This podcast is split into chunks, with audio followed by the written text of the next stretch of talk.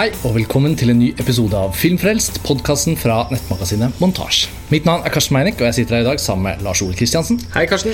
Lars Ole, Dette er jo en spesialepisode av eh, Filmfrelst. og Egentlig har vi da to på rad. I forrige episode så snakket du med forfatter Roskva Koritsinski om den norske filmhøsten. Og i denne episoden så skal du og jeg starte Oscarsesongen på Filmfrelst med en spesialepisode fra Hollywood. Ja, altså I anledning Oscarsesongen så har vi dratt til Los Angeles. Og vi sitter her nå ved Sunset Boulevard i West Hollywood og skal dele noen tanker vi har gjort oss i løpet av de siste dagene. Mm. Vi har jo da brukt mye tid på egentlig bare gå rundt og få en slags feeling.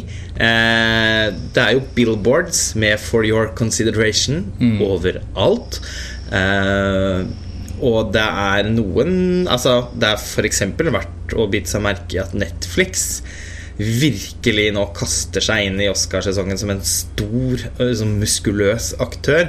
Det er altså billboards for Roma av Alfonso Cuaron overalt. Mm. Eh, og med de altså, Og det er også som om de forskjellige billboardsene om Roma forsøker å overgå hverandre i eh, sånn eh, mind-blowingly, amazingly personal and still massive on scale. Altså sitater som eh, Ja, som, ja. som kanskje føles litt overdrevne i lys av hva slags Ja, og det, er, og det er veldig interessant. Som du sier, sånn, Det å observere Oscarsesongen er jo noe vi på en måte gjør fra avstand år etter år. Og eh, Hvis vi trekker opp en liten sånn tre-fire måneders linje, da, så, så, sitter jo vi på filmfestivalen i Venezia og ser Roma og The Favourite og 22 July. Og, eh, det er på en måte der Oscar-praten starter litt. Og vi har jo nevnt i tidligere episoder også at liksom, ok, dette kommer jo til å være en film vi kommer til å snakke om igjen. fordi inn i Oscarsesongen er det ingen tvil om at denne gjør seg gjeldende. Men det å være her i Los Angeles, som i seg selv jo er jo en enorm by så får man likevel veldig sterk følelse av hvordan filmbransjen maler da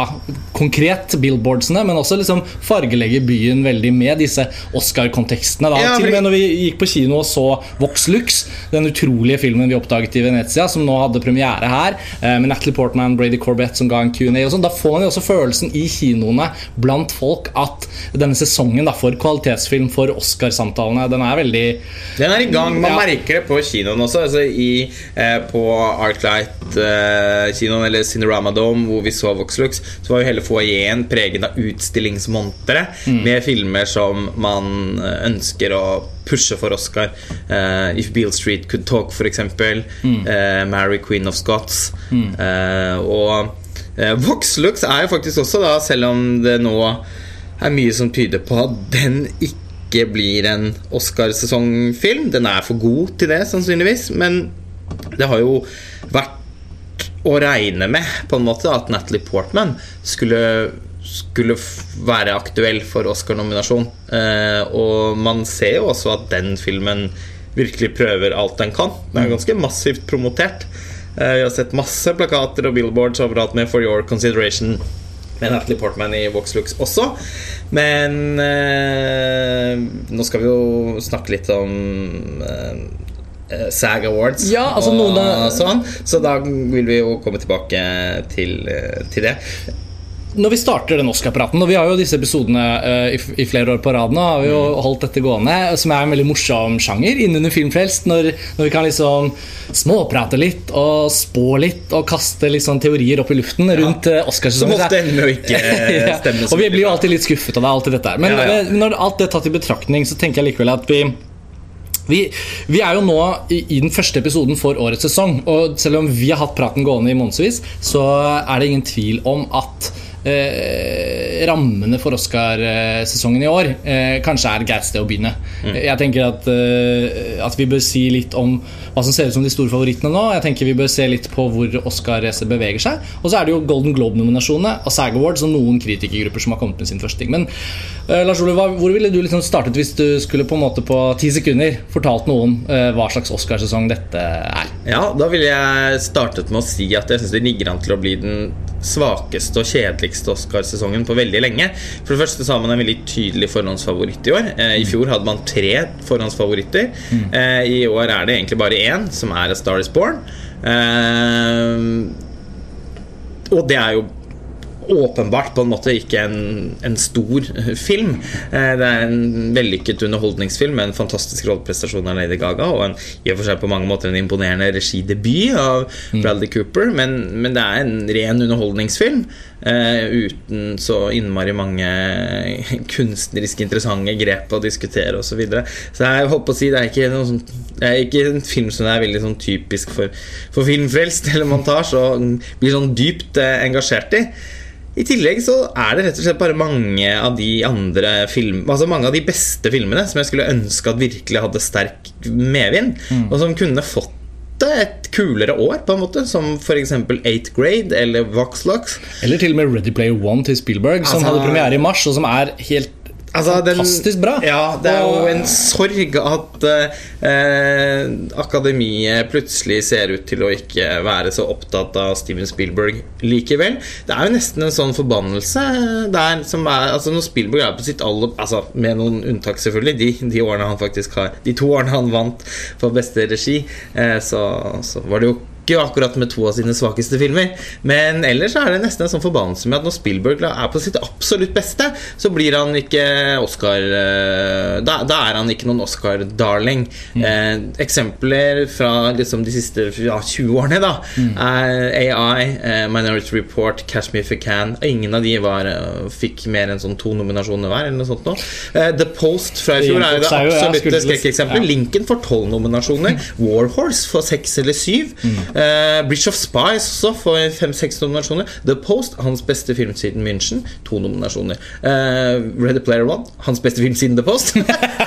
uh, hans, men, men, også den, kun, den, hadde da, hvis det ikke var for det på, så hadde det også vært hans beste film siden München. Ja, og når man trekker inn Ready Player One, så er det jo liksom mellompunktet mellom to ting i Oscarsamtalen. Det er jo de filmene som, som er der oppe på liksom Best Picture og Best Actor Actress og sånn. Jeg mener selvfølgelig ikke at Ready Player One skal liksom ta igjen prisen for beste mannlige hovedrolle, nødvendigvis. Men det er jo en film som Jo, men fordi den det, altså, det fot, altså, Fotoarbeidet, klippingen, spesialeffektene, musikk altså, Det er jo så mange ting med den filmen. Ja. Men det er bare et eksempel. da Jeg skal ja. Nå blir det, altså, Den får sikkert, hvis de ikke har glemt den helt, så får den sikkert spesialeffekter. Altså, Lydmix, hvis den ikke vinner spesialeffektene, må det sies å være en skandale. Ja. Uh, det, blir jo Black Panther, det, da. Ja, men altså, kom igjen! Nei, så altså, Merk mine ord! Ja, ja, da er ikke jorden rund lenger. Men altså, det vil jo bli som å ikke gi spesialeffektprisen til Avatar i 2009. Ja, og, si hva man vil om filmen, men uh, Ikke sant? Uh, det, det, det, ja, men, men, men? Og kanskje noen lydeffekter og lydklipper. Ja. men den er liksom på en måte Den har ikke blitt med. Nei, og En annen film som hadde premiere på senvinteren tidlig på våren, er jo Black Panther. Så det er jo ikke sånn at de har nødvendigvis så kort lang, altså sånn at hukommelsen ikke fungerer. Men den har jo blitt en så stor kulturell og den, happening. Og den bringer jo litt til at liksom årets Oscar Hvis jeg skulle brukt ti sekunder på å si til noen hva årets sesong preges av, så ville jeg sagt at årets Oscarsesong ser ut til å bli veldig tungt preget av mainstream underholdnings film som ja. når bredt ut. Ja. Uh, og det sammenfaller jo litt med høstens store sjokk da Oscar-akademiet mente at de skulle introdusere en ny pris, Best Popular film. Ja. Fordi de ønsker jo å tekkes TV-seerne, og ratingen i fjor var jo dårligere enn de noensinne hadde vært. Og Oscarshowet skal jo nå kuttes ned til å vare bare tre timer. Altså det er jo ganske radikalt grep, så det blir spennende å se når sendingen kommer. Men man merker jo da nå at A Star Is Born, uh, Black Panther Black Clansman, den mest ukunstneriske filmen Steve, altså Spike Lee har laget på Ja, men likevel da, Og en, en vel, vellykket og, eh, og, og, og, altså Ja, men Ta ja. Bohemian Rhapsody, Queen-filmen, som har spilt inn 400 ja. millioner dollar, som ja. ser ut til å også bli en Oscar-kandidat, som likevel fikk veldig dårlige kritikker. Uh, og så kommer Mary, Ikke veldig dårlige kritikker, men så, så. Ganske dårlige kritikker. men også i forhold til Oscar-filmer. Og så Mary Poppins Returns som skal ha premiere nå om et par uker, ser også ut til å seile litt. Så det blir jo antagelig var ikke ti jeg brukte nå, men det ser ut til at Oscarsesongen kan bli en litt sånn de, de, Hyperkommersiell. Ja. Altså, altså, jeg, for meg er det science fiction. Altså, tenker liksom at Black Panther er den beste film, og kanskje mer. En, en nominasjon. nominasjon kanskje. ja, nei, altså Det uh, syns jeg bare er helt uh, ute. Uh, og, så, og uh, når det er sagt, altså, sant, jeg kommer til å være glad når Spike Lee, en av, så, en av mine helter, mm. kanskje omsider da, sannsynligvis, får en Oscar-nominasjon for beste regi. Det vil Mm. glede meg. Eh, samtidig som jeg selvfølgelig da syns det er synd at han får det for en av sine minst egenartede filmer. Den ser jo tidvis nesten ut som en Netflix Litt sånn Netflix-produksjon. Eh, og da mener jeg ikke en sånn Roma-skala Netflix-produksjon, men liksom, det er noe litt sånn uambisiøst over Black Lives Matter sammenlignet med f.eks. Chirac, som var helt fantastisk. Ja, ja, ja. Nei, Den er ikke i nærheten av den filmen Chirac er, men så har den et lite sånt En sånn to-tre minutters sånn spark da i sluttscenen. Det er kanskje noen lyttere veldig sånn ikke har sett. Black Landsman. Og litt så- billig grep òg, syns jeg. Men, Men det smalt, takt- det det smeller, men det er tacked on. Men det er som en fyrstikk, liksom. Ja, Det blir jo varmt hvis du tenner en fyrstikk. Absolutt. Men uh, det hjalp den filmen, fordi det var ikke varmt på en måte underveis. Nei, absolutt. Uh, og, hvis man, men, og her er det selvfølgelig også et mønster. Ryan Coogler, Black Panther uh, og Spike Lee med Black Landsman. Eh, man har eh, en, en film som If Beale Street Could Talk. mm.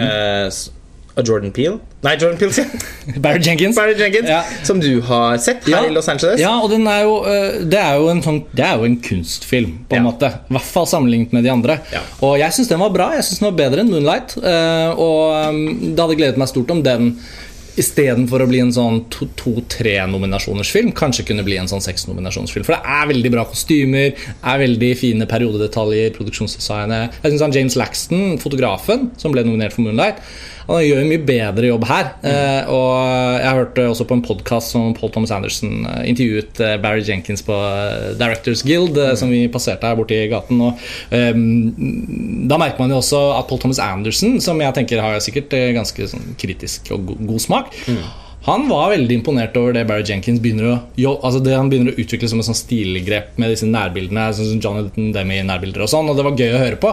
Eh, Jeg syns Paul Thomas Anderson kanskje tok i litt hardt, for det, kanskje If Bill Street Could Talk preges mest av, er jo at det er en, fors altså en filmskaper som fortsatt fors forsøksvis og forsker i å finne ut av hvem han er. Og denne filmen ligner mye mer på hans første film, 'Medicine for Melancholy'. Det er en kjærlighetshistorie, så jeg tror den har egentlig Altså Hvis ikke jeg visste at Moonlight endte opp med å vinne beste film, og jeg bare hadde de to filmene ved siden av hverandre, så ville jeg jo tenkt at If Beale Street Could Talk er den første ordentlige Oscar-filmen til Barry Jenkins. Ja. Så den matcher mer med den klisjeen om en Oscar-film. Men den er mye mer artist Eller sånn smalere, da, i hermetegn, Enn de andre, vi har med nevnt. Ja. Fordi mønsteret som eh, jeg tenker Voxlux er jo for radikalt fantastisk til at Oscar Ja, altså, det eh, altså, kul. Kristoffer kan jo hende Natalie Portman. Det kan oppstå en buzz nå. Det kan skje Den er så stor stjerne at det er ikke utenkelig. Og filmen Nei. har først hatt premiere nå, så den er også late to the game. Eh, og den var nok for sent for Golden Globe og, eh, og sånn på en måte. Ja, de var ikke i Eh, Venezia, for å si det sånn. Nei, de var vel dog i Toronto, men Ja, det mulig, ja. Men jeg vet ikke, men uansett altså, kan det hende at den piskes litt Ja. opp. Og Distributøren er det Neon her i USA, som jobber med Voxlux. Det er den samme distributøren som gjorde en kampanje for Itonia i fjor, Ja. og fikk Margaret Robbie til Og, eh, og du ser at de jobber. Som sagt så er det altså sånn foajene på kinoene, til og med liksom eh, tempelet for fysisk format til og sånt, som vi har tilbrakt altfor mange timer i så langt. Det er eh, som ligger like ved Cinerama Dome. Mm. Eh, jo, altså, til, til og med der var det jo Voxlux-plakater oppover veggene. Ja. Eh, og ingen annen film eh, av nyere dato som Ja, var, var- frontet. Sikkert fordi noen ansatte der syns den er like kul som oss. Nettopp. Håpet er ikke ute. Det er ikke helt ute, men, men, eh, men som sagt så må man begynne å forberede seg på at det sånn. For eksempel så syns jeg jo det er helt sinnssykt krise da at SAG Awards ikke nominerer Elsie Fisher for 8th grade, som er årets mest imponerende rolleprestasjon i en amerikansk film. Eh, hun er 14 år gammel og spiller altså det er sånn von Trier-nivå, ah, rett og slett. Jeg gleder på- meg enormt til å se den på både rolleprestasjonen og da selvfølgelig også skuespillerinstruksjonen. Det er en, he, det er en umiddelbar klassiker. Ja, det var en av de smalere uh, filmene filmene som har tilgang på Oscar. Ja, og den fikk altså Golden Globe-nominasjon til Elsie Fisher. Uh, og det er jo helt fantastisk. Eh, men, men fikk da ikke sang. Eh, Nei, men og det så- er jo Men ja. fikk gjennombruddspris fra New York Film Critics, fikk det fra National Board of Reviews, så 8th grade er jo på, på lista. Og det er jo så, som, Det ville være veldig rart om ikke den skulle ende opp med en film som da har, får den der manusnominasjonen og beste kvinnelige hovedrollenominasjon. Sånn type sånn hvis, hvis en film som Beasts of the Southern Wild eller Little Miss Sunshine kunne få Og Lady Bird egentlig òg, da. Ja, på en måte, ja, og det er mer sammenlignbar fordi Mm. den er på, altså den er på et nivå som, som altså, Den er på et så høyt nivå at det føles eh, mer naturlig å sammenligne med nettopp Lady Bird. Den Mm. har en film som i og for seg også har ganske mye til felles med rent åh, jeg gleder meg bare enda mer desto mer du sier at Åh, den er helt skal! 8th Grade skal for øvrig ha norgespremiere på Filmfestivalen i Tromsø. Det er akkurat blitt offentliggjort. Ja. Så det blir jo en sjanse. Men den har jo ikke norsk eh, distribusjon ennå. Det er faktisk ikke satt opp til å, til å komme på norske Helt utrolig Og og det- at ingen norske distributører har fattet interesse. Og det gjorde jo ikke Paul Schraders First Reformed heller, som vi har laget en episode om fra, fra Filmfestivalen i Bergen. Og den er jo en av de andre. Og det blir jo den på en måte å- som man kan heie på. Den har jo fått veldig mye vind i seilene av kritikernes eh, priser og sånn. Samtidig så presterer jo SAG eh, å, å ikke nominere Ethan Hawke til bestemann i hovedrolle. Jeg trodde han var Altså I min verden var han favoritt til å vinne prisen i år. Jeg tenkte at slaget ville stå mellom Christian Bale for rollen han gjør i Wise. Vi, ingen av oss har ennå sett den filmen, men det er åpenbart at han imponerer i rollen som Dick Cheney. Ja. Eh, men Med sminke og ja, Sminkorama spist seg opp en feit kropp igjen. da. ja, men Bale eh, om sin method acting på en måte er jo imponerende når han er altså sånn eh, Vi vet hva han kan gjøre. Ikke sant? Så det er klart, Men, men Ethan Hawke han føles som, Det føles som at han har fått en sjelden anledning til å virkelig vise hva han er god for.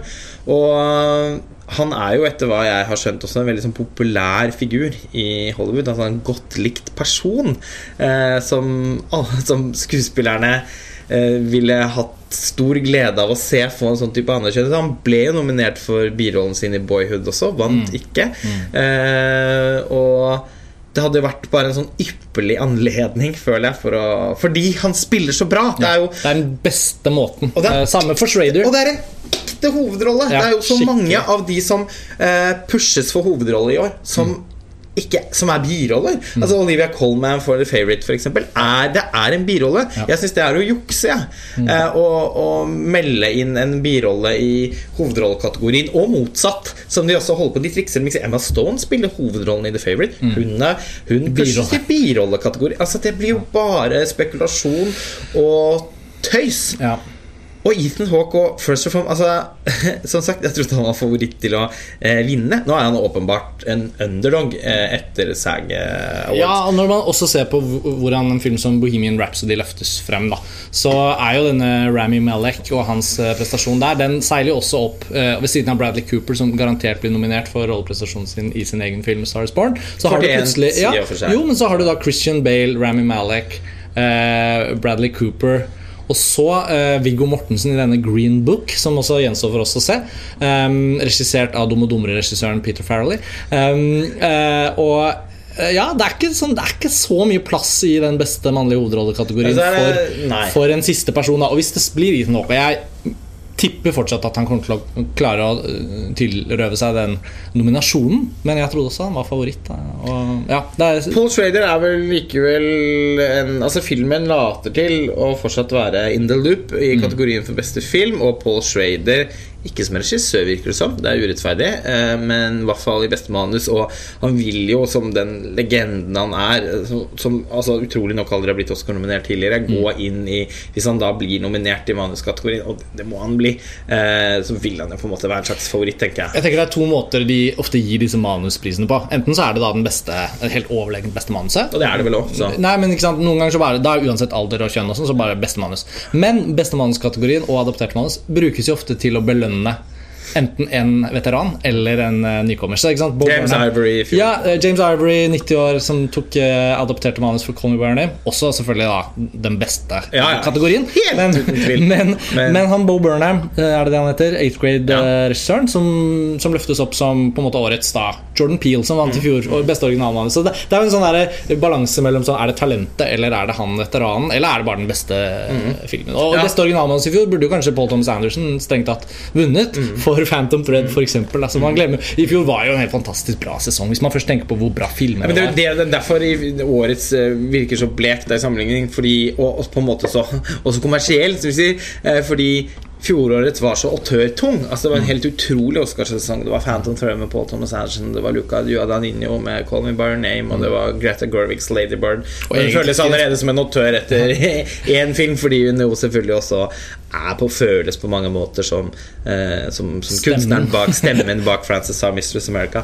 Eh, to av våre favorittfilmer fra de senere årene. Eh, og man hadde Spielberg var jo der egentlig. Burde jo vært ja, der på, eller ja, Ja.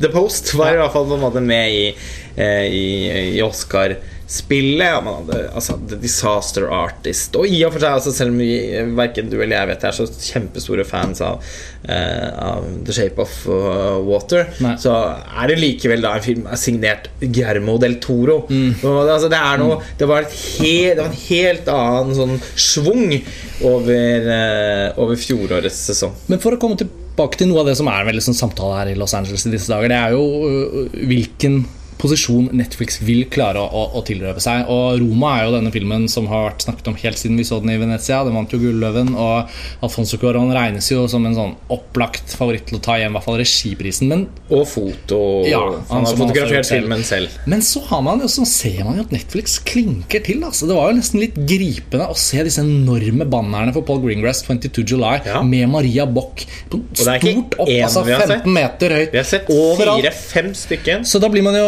Det er jo ikke, føles jo på én måte som en norsk film, men det er jo ikke det helt. Altså, det er litt sånn Men det er Nei, norske men altså, det er skuespillere. Og Altså, det, og det er, tror vi kan noen av disse Netflix-filmene andre enn Roma jeg klarer ikke å se det for meg. Jeg gjør ikke det. Men uh... For 22 July har jo dessverre Den er jo på en måte ikke da nominert eller trukket fram i noen Nei. andre altså. det er klart, altså klipperen til Greengrass eh, Altså den som klipper Greengrass sine filmer, vil jo alltid på en måte være aktuell.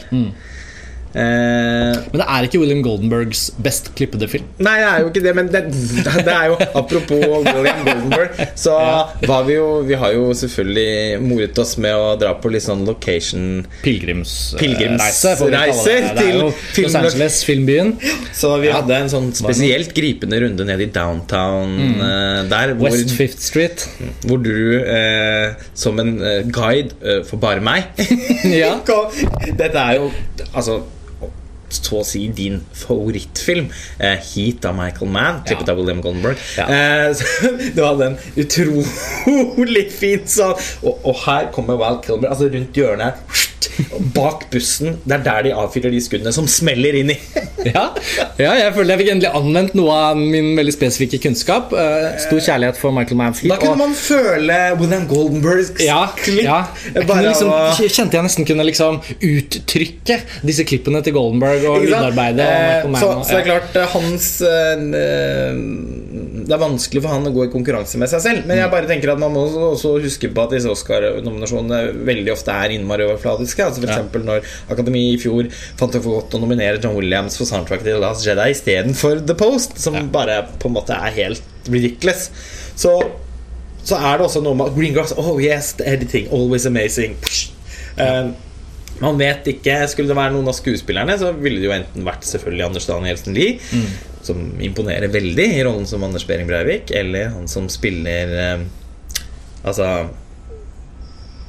Han unge Ja, jeg klarer ikke å huske Nei. navnet på han skuespilleren. Viljar Hansen er jo den ekte personen. Ja, den Eh, Jonas Strand Grøvli? Gravli, er det det han Ja, det er det vel. Nettopp. Uh, ja, Altså, nei, vi sånn, får se. Vi får se vi- jeg, tror ikke det er, jeg tror ikke, uansett ikke det er plass. Nei. Så, og nå Netflix eh, har også begynt å promotere en film som de lanserer 21.12. med Sandra Bullock, regissert av Susanne Bier. ja, The Bird Box, var det det han het? Ja. Så uh, det, De drar det ene kortet etter det andre opp av ja, ermet. altså, og, ja, men altså, langs, og Sunset Boulevard er på en måte en sånn utstillingsplass for billboards Uh, mer enn noe annet sted. Uh, det er, og i og for seg også Hollywood Boulevard. Uh, Men når vi har gått eh, i timevis langs begge disse endeløse gatene, så, så er det jo påfallende hvor mange av de gjeveste eh, plassene, på en måte, eh, som Netflix har kapret seg. Ja, og det er, det Det er er nesten litt sånn skremmende, faktisk. Ja. At, eh, og, og jeg syns det også er veldig påfallende hvordan en film som The Favourite glimrer litt med sitt fravær. Altså det, eh, Vice, for eksempel, er også overalt. Eh, mens eh, mm, Ja, ikke The Favourite. Det har jo selvfølgelig også noe med å si at et par av disse noen av de andre filmene her er jo også da i en fase hvor de promoterer selve filmen. Og da gjør de begge deler. Ja. Da er det både en reklame for at Roma er på Netflix, Ja. og For Your Consideration. Så Ja, en annen film som synliggjør seg mye på, billboardsen her er jo faktisk Clint Eastwoods nye film The Mule. da Ja.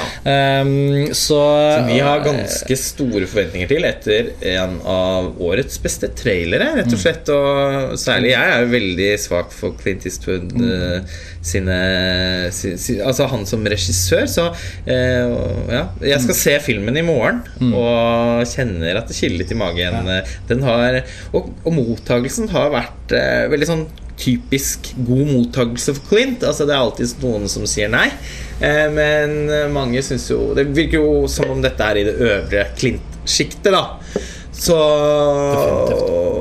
og, den, og man ser bannere og plakater og billboards for den overalt. Så det er nok også en film som, som, skal, som Warner Bros. åpenbart har troen på, og som de har lyst til å eh, melde inn eh, i Oscarsesongen ja, nå, altså relativt sent. Da. ja, det lages mye film hos Warner, og da vi var der borte, så var det ingen tvil om at de på en måte trakk fram det som er viktigst for dem nå i desember. Aquaman og The Mule. Så, så det er liksom disse to sider av den saken. Clint Eastwood composed the music for all these films in there, and now we composed this music for uh, The Mule. Og så viste det seg at han har ikke komponert musikken til The Mule, men Nei, morsomt. på Warner Bros har han. Um, uh, de, Hvis- Ja. hvis vi skulle oppsummere litt Jeg tenker eh, Netflix har altså, en annen ja, men The Favourite, bare Ja. som en siste ting om det. Ja, Jo, fordi The Favourite. Ja. Jorgos Lantimos The Favourite. Det var jo også en slags sånn Altså På lik linje med Roma ut av Venezia, en Oscar-favoritt. Og på en måte en film man kunne se for seg at kunne få Altså og den med flest nominasjoner i år. Og, og, og kostyme, foto og klippe, alt sånt er helt åpenbart. Og, masse, og tre skuespillernominasjoner. Eh, og eh, åpenbart på en måte beste film og regi. nå. Men eh, når det er sagt SAG Awards De presterte jo ikke nominere eh, The Favourite for beste ensemble. Ja, og den Og det er jo den mest ensembleaktige filmen av alle. Og som sannsynligvis vil få flest skuespill, separate skuespillernominasjoner. Altså Black Panther for, eh, for ensemble over The Favourite. Altså jeg skjønner ing- eller jeg skjønner, fordi det er en politikk Ja. eh, oppi dette her. Og det er jo på en måte Det er jo gledelig å se, sant, som jeg, vi var så vidt inne på i stad. eh, Men som vi ikke fikk fullført helt. Altså Når vi da la fram filmene Black Landsman, Black Panther Uh, If Bill Street Could Talk, til viss grad en Green Book, eh, også med Matashala Ali. Eh, det, det, er jo et, det er jo ikke Oscars so white i år. Eh, og det er selvfølgelig noe man skal glede seg over. Men det kan jo ikke gå på bekostning av eh, altså sånn, det, det, må ikke bli for eh, relativt heller hva, hva gjelder den kunstneriske kvaliteten på filmene. Eh, det er jo også altså sånn, av, av SAG å nominere Black Panther foran The Favourite, som jo er en film som er mye mer skuespillerorientert. Altså, det eh, må jeg si at jeg faktisk syns var veldig overraskende. Og en ting er jo at Black Panther har fått en nominasjon til denne prisen hos SAG, som brukes som en veldig sånn kraftig indikator på beste filmpotensialet. Men, men blant de fem nominerte så var det, det var ikke bare det med Black Panther, men de hadde jo også nominert den komedien Crazy Rich Asians. Ja. Sånn at den diversity-hungeren da, den strakk seg så langt at de måtte på en måte Altså, Bohemian Rhapsody, eh, film med en eh, homofil mannlig hovedperson. Eh, eh, Black Panther, sort superhelter, Crazy Rich Asians, eh, asiatiske amerikanere i en mainstream-film. Eh, og så A Star Is Born. Eh, og eh, hva var den femte filmen? Ja. Nei, det gir i hvert fall en indikator da på at den, Var det Wise? nei, det var ikke det. Og ikke Rona? Roma? Nei. Og ikke The Favorite. Mm, ja, Det Ja. spiller ikke noen rolle. Det var i hvert fall veldig sånn påfallende da, at denne skuespillerforeningen SAG, som, som kommer med nominasjonene sine alltid veldig tidlig uh, Men skuespillerne er som kjent den største gruppen i akademiet, da, som så mange av disse Oscar-teoretikerne hele tiden trekker fra. Så glem nå ikke at skuespillerne, og husk at og sånn og sånn. Så Derfor er det jo eh, et poeng for oss å trekke det inn i denne første podkasten om årets Oscarsesong, fordi det vil, det vil være en markør. Og denne Best Ensemble Award, som, som var nominert fem filmer, så er det jo liksom flere av de antatt sterkeste Oscar-filmene som ikke er nominert. Nei, det er veldig sjelden en film ja, Og det er veldig veldig sjelden en film vinner Oscar for beste film uten å ha vært nominert til den prisen. Så da blir det litt sånn at A Star Is Born da Det blir jo står den- som favoritten. Og det er derfor vi sier den er favoritten, fordi den er jo da eh, paradoksalt nok da den hviteste og streiteste filmen Ja.